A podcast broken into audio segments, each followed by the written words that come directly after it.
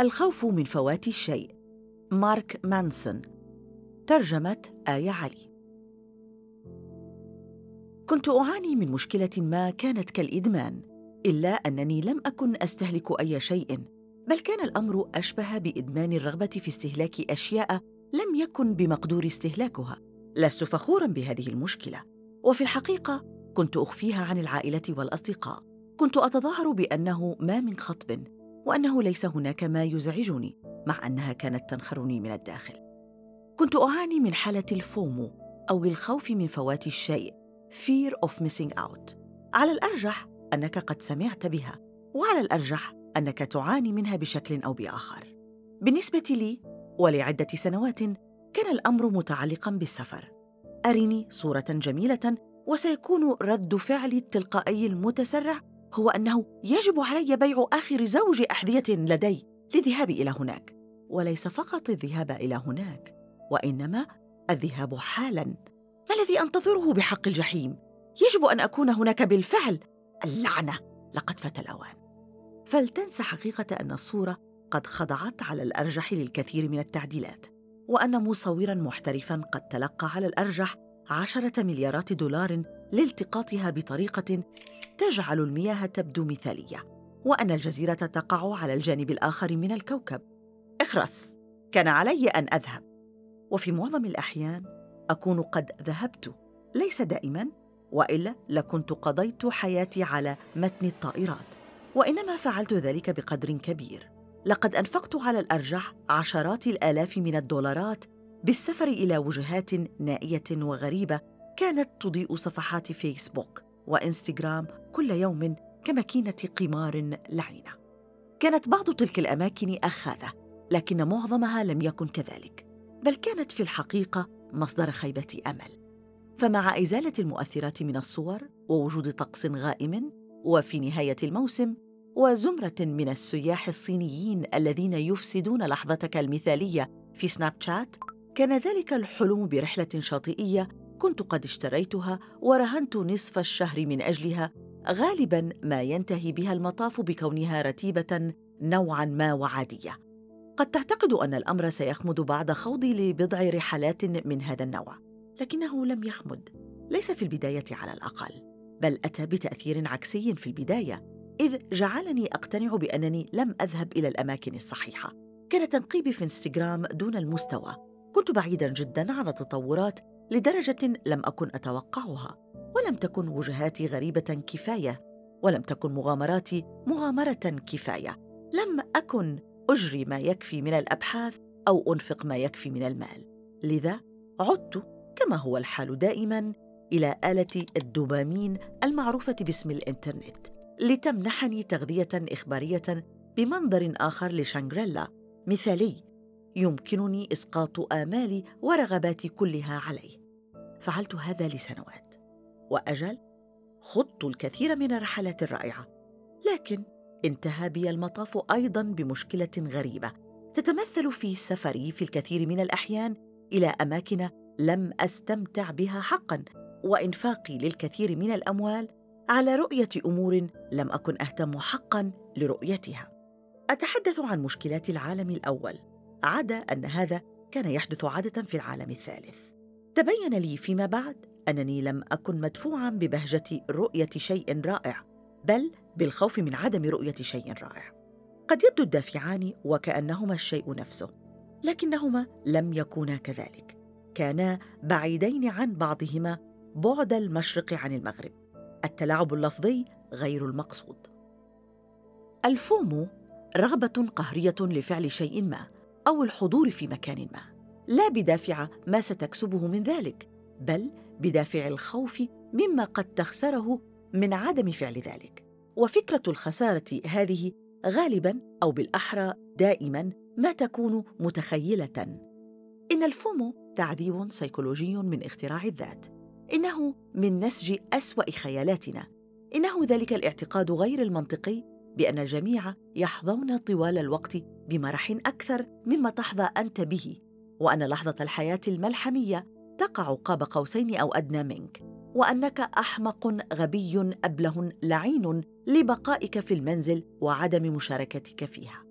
إنه ذلك الاعتقاد غير المنطقي أن المكان، الشخص، الحدث القادم سيكون مثالياً وستفوته على نفسك بتركيزك على أيا يكن المكان الذي توجد فيه أو الشيء الذي تفعله. إنه التسكع مع تسعة أصدقاء مختلفين كل أسبوع دون أن تشعر بأنك قريب من أي منهم. إنه الذهاب إلى خمس حانات مختلفة ليلة يوم الجمعة. وكرهك لكل واحدة منها لأنك لا تستطيع التوقف عن التفكير في الحانات التالية التي تقع نهاية الشارع والتي يوجد فيها صديقك. والتي يحتمل أنها أروع بكثير من تلك التي توجد أنت فيها. أصبحت حالة الفومو تمثل مشكلة كبيرة لجيلنا وذلك لحقيقة بسيطة ألا وهي أن لدى جيلنا أكثر الخيارات تنوعاً للاختيار من بينها. أطلق على هذا الأمر التسمية الشهيرة مفارقة الاختيار The Paradox of Choice. وهذه المفارقة هي إلى حد كبير السبب في أنه كلما زاد حصولك على الأشياء المدهشة صرت أقل سعادة.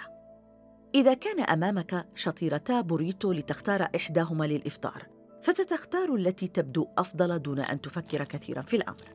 لكن إذا قدم سبعة وثلاثون نوعاً مختلفاً من شطائر البوريتو الصغيرة المعروضة للتذوق مع كريمة جاناتشي مصنوعة من حليب ماعز مستخرج محلياً. فمن المحتمل أنك ستعذب نفسك. ليس في أثناء اتخاذ القرار نفسه وحسب إنما ستقضي الساعات الخمس التالية في التساؤل عما إذا كانت تلك الشطيرة هي أفضل شطيرة على الإطلاق كنت لتحصل عليها في ذلك الموقف أو في أي موقف آخر. ثم تقرر أنه يجب عليك العودة لتجربة بقية الشطائر باستثناء أن هذا هو المطعم الرابع عشر الذي قلت إن عليك العودة إليه. ولا يقتصر الأمر كذلك على أنك لم تعد جائعاً وإنما لأنك لا تحب شطائر البوريتو من الأساس. ويا إلهي ليس هناك ما يكفي من الوقت للقيام بالأمور المذهلة كلها. مشكلة الفومو هي أنها تمنعك من تجربة ما يحدث حقاً. قد يبدو هذا جنونياً نظراً لأن حالة الفومو هي في الأغلب ما تدفع الناس لمراكمة أكبر عدد ممكن من التجارب لكنها في الوقت نفسه تجرد هذه التجارب ذاتها من أي أهمية أو معنى دائم. ويعود السبب في ذلك إلى أن الفومو لا تجعل الناس يتخذون قراراتهم بناء على واقع التجربة بل على التجربة المتخيلة. لذا فهم لا يريدون الذهاب لتناول العشاء مع زملائهم في العمل. ولكنهم بعد ذلك يظنون أن هذه قد تكون اللحظة الموعودة التي يقضي فيها الجميع تلك الليلة الملحمية معا ويكونون روابط قوية فيما بينهم ويحب بعضهم بعضا كصديقات مقربات دائما وابدا. لذا يذهبون على أي حال ولأنهم لا يريدون في الحقيقة الوجود هناك تكون النتيجة أنهم لا يختبرون ليلة ملحمية ولا يترابطون. ولا أحد يصبح صديقهم المقرب.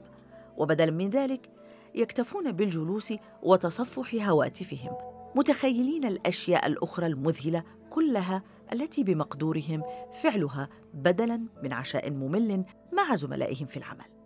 وبهذه الطريقة المريضة والملتوية يدخم شخص الفم حياته بالأنشطة في الوقت الذي لا يكون حاضرا فيها حقا أو ممتنا لما يحدث. وفي أثناء هواسهم اليائس بنوعية التجربة فإنهم يعوضون عن ذلك بمراكمة كميات من التجارب.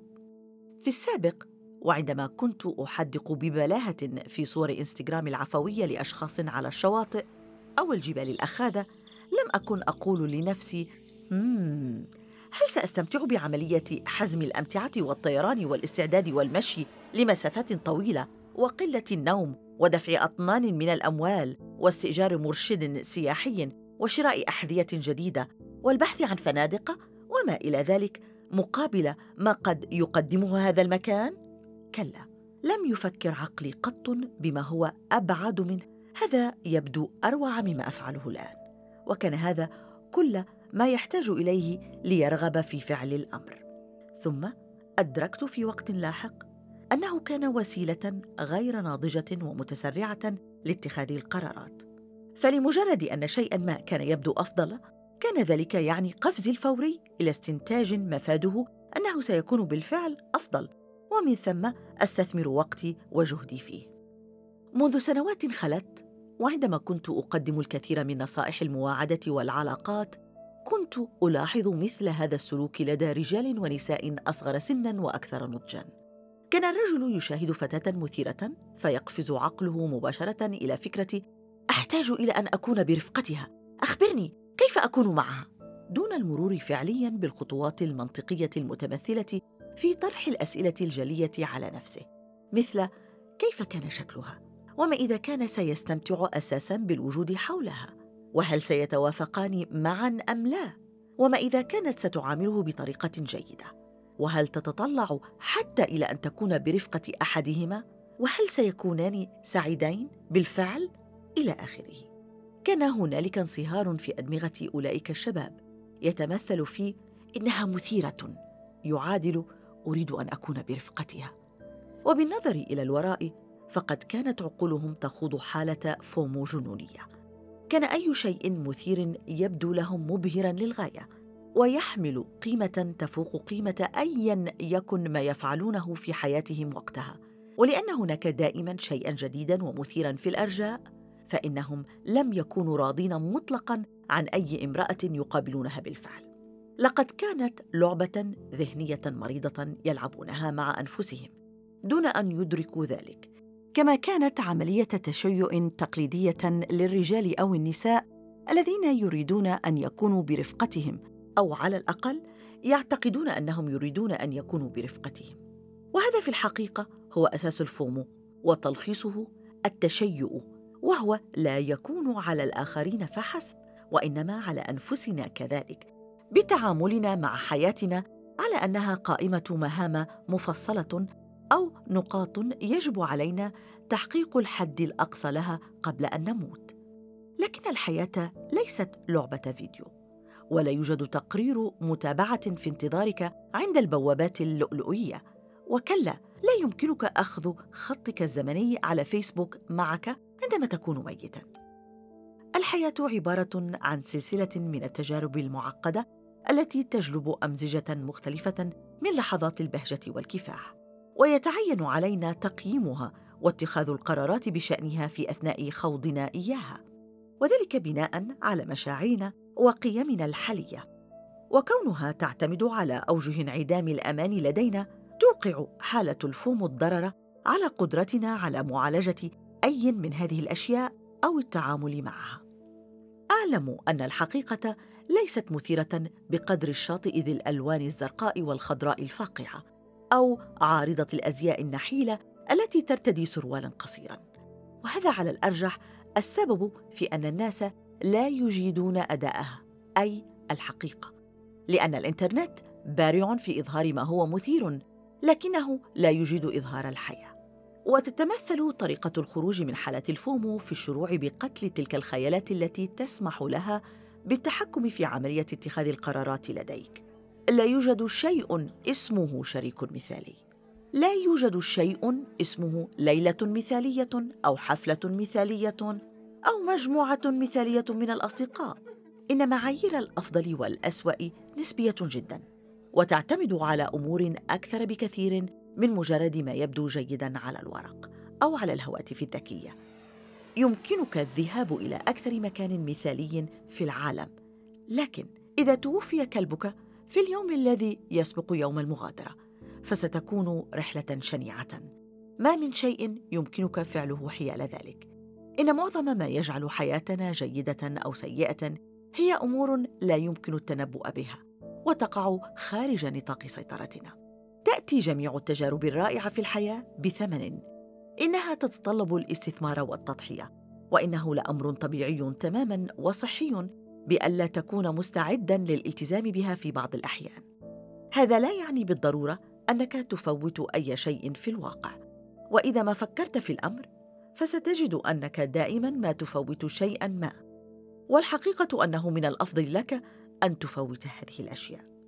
ما جعلني أتمكن في نهاية المطاف من إيقاف حالة الفومو لدي كان إدراك أن المرء سيفوت دائما شيئا ما. نعم كنت أهرب في هذه الرحلات المدهشة لرؤية أماكن مذهلة لكنني كنت اتخلى كذلك عن الاستقرار والمجتمع الذي يأتي مع بناء منزل كنت أتخلى عن تكوين روابط قوية مع الناس وعن أن أكون حاضرا بطريقة موثوقة من أجل أولئك الذين اهتموا لأمرهم. كنت أتخلى عن قدرتي على التركيز لفترات طويلة في وقت واحد وبناء شيء أكبر ناتج عن حياتي المهنية ومجموعة مهاراتي وبلوغ كامل إمكاناتي المكنونة.